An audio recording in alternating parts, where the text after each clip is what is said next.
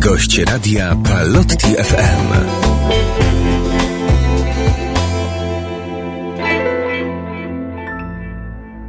Pozdrawiamy wszystkich słuchaczy Radia Palotti FM. Przed mikrofonem ksiądz Łukasz Gołaś. Eee, gość Radia Palotti FM, pani Marlena Solon z wydawnictwa Esprit. Eee, dobry wieczór, szczęść Boże. Dobry wieczór. Eee, pani Marleno, mamy nową pozycję książkową wydawnictwa Esprit, Tajemnica mojego syna. Co to za tajemnica i kim jest ten syn? Tak, już odpowiadam na to pytanie. E, właśnie nakładem naszego wydawnictwa okazała się książka, e, tak jak ksiądz wspomniał, Tajemnica mojego syna. E, jest to książka autorstwa Antoni Salzano Acutis, matki błogosławionego Carlo, który myślę, że może być znany słuchaczom. Też z tego względu, że Carlo jest właśnie patronem Światowych Dni Młodzieży w Lizbonie, więc myślę, że coraz więcej informacji gdzieś będzie się tutaj o nim pojawiać. I e, właśnie mamy tą e, cudowną przyjemność wydawać tą książkę.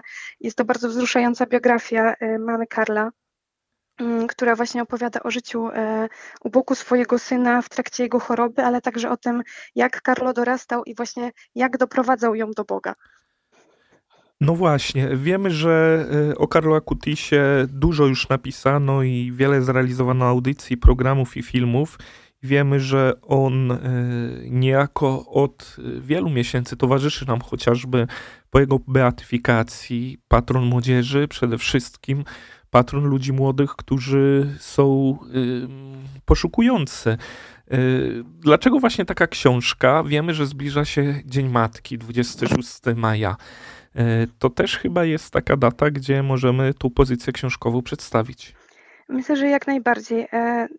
Myślę, że to, co wyjątkowe jest w tej książce, to że właśnie Antonia bardzo przyprowadza nas bardzo blisko swojego syna. W sensie mamy tutaj taką relację jeden do jeden, relację matki i syna, e, która właśnie pokazuje, e, jak przeżywała te najtrudniejsze momenty, bo tak naprawdę e, o chorobie Karla dowiedzieli się z dnia na dzień.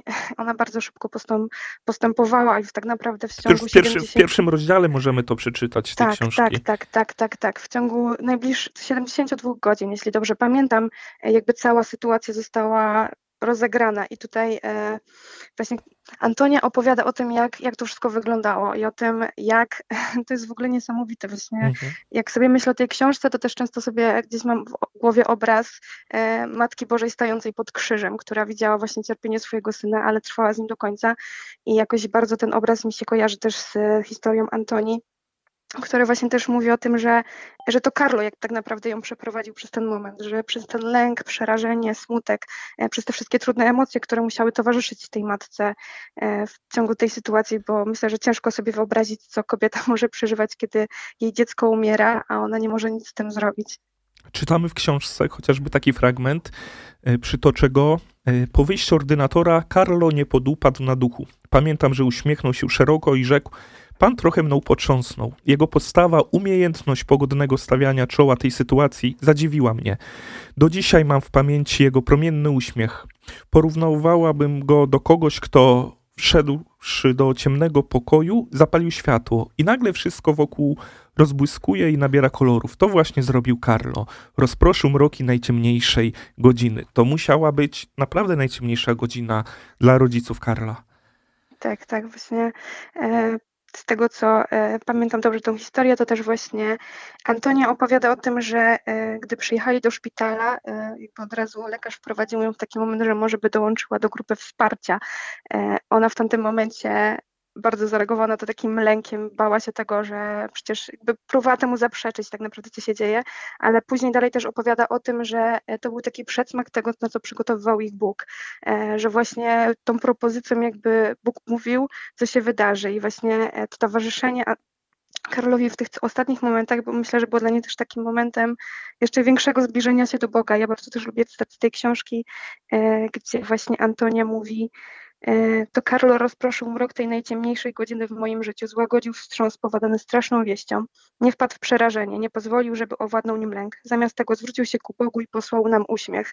Myślę, no, to jest bardzo niesamowita e, historia piętnastolatka, tak naprawdę dziecka, które jeszcze mogłoby się wydawać nie jest dojrzałe, jeszcze niewiele wie o życiu, a tutaj mamy no, relację matki, która pokazuje, że jej syn był był przy Bogu zawsze i w każdym momencie. I to też jest ciekawe, właśnie Antonia mówi, też możemy czytać się w notce e, na książce, że ona była analfabetką, e, jeśli chodzi o wiarę. Tak naprawdę w kościele była w ciągu trzech, e, na mszy świętej była tak naprawdę trzy razy podczas swojego ślubu powiedz tutaj, w swojego ślubu i e, w pierwszej komunii świętej, świętej i chrztu. chrztu. Tak. tak. a tutaj właśnie później opowiada, że tak naprawdę to Karlo ją przyprowadził na nowo do kościoła i myślę, że jak często słyszymy historię wielu świętych, gdzie często właśnie opowiada się o tym, że to rodzice byli tymi świadkami, to tutaj mamy odwrotną sytuację, że to właśnie Karlo doprowadził swoich rodziców do Boga i, e, i był dla nich myślę, że tak właśnie takim światłem, który po prostu przyszedł do ich życia i pozwolił im na nowo go poznać. I ja myślę, że ta cała sytuacja i to całe wydarzenie y, i historia życia Karla Kutisa to jest taka na dzisiejsze czasy, bo dzisiaj też chyba potrzebujemy takich świętych, którzy otworzą nam oczy, otworzą nam umysły, którzy pokażą jak iść, szczególnie w tym zabieganym świecie, w tym świecie, gdzie po prostu czasami tego Pana Boga nie ma.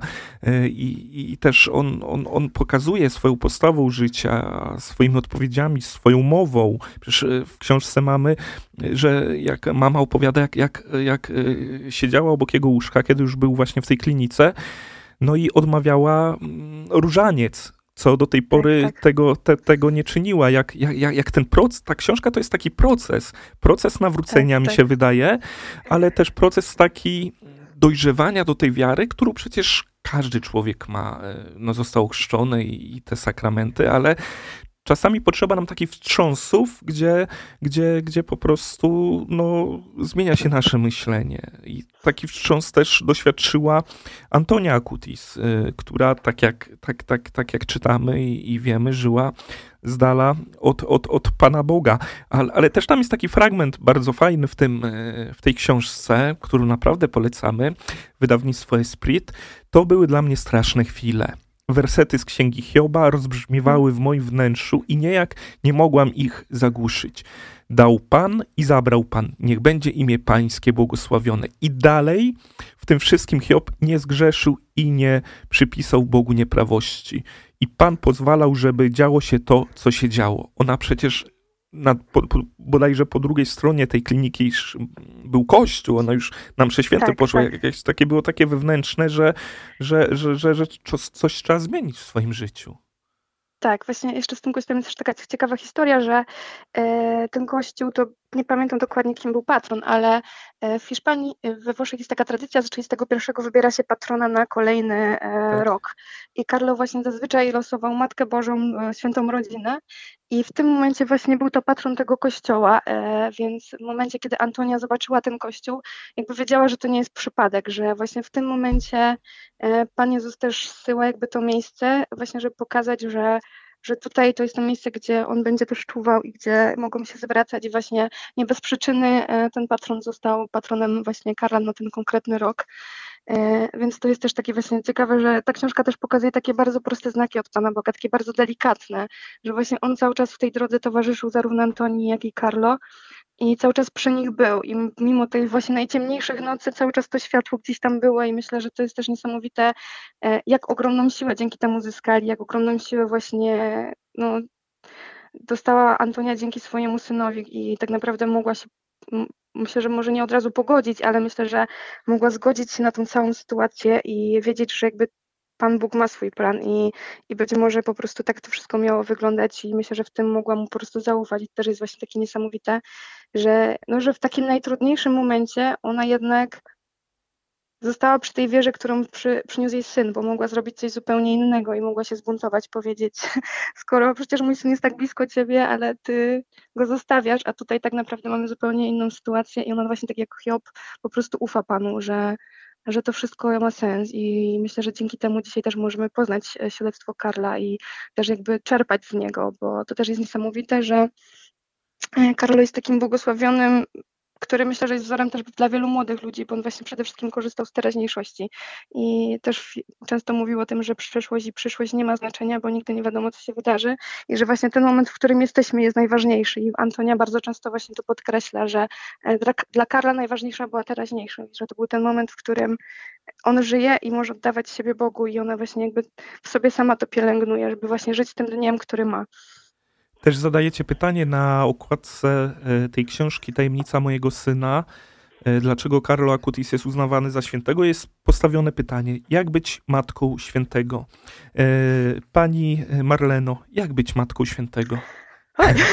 To trudne pytanie. Myślę, że tutaj trzeba już zaglądnąć do książki i zobaczyć właśnie, jak robi to Antonia e, i jak ona sobie właśnie z tym radzi. Myślę, że chyba na to nie ma żadnego przepisu i e, myślę, że czytając też tą książkę zauważymy, że to po prostu właśnie jest życie najlepiej jak się da, w sensie życie przy Bogu, życie przy swoich dzieciach i czerpanie z nich, ale też jakby dawanie im dużej wolności i też jakby wspieraniu ich w tym, e, co się dzieje w ich życiu, wspieranie ich w ich wyborach. I myślę, że tutaj e, Antonia jest taką osobą, która w tej książce udowadnia, że przez to, że trwała przy swoim synu i dawała właśnie mu taką wolność, jeśli też chodzi o wiarę, e, że on mógł wzrastać w tej wierze, że nie blokowała, że nie, że nie dawała mu takich momentów, gdzie on czuł po prostu się odrzucony, tylko rzeczywiście wspierała go w tym, co robi. I myślę, że to jest może jakiś przepis, po prostu być przy swoim dziecku i trwać przy nim i dawać mu po prostu wsparcie w każdym momencie i czuwać, po prostu czuwać z nim razem na tej drodze i po prostu zobaczyć, gdzie ona go doprowadzi.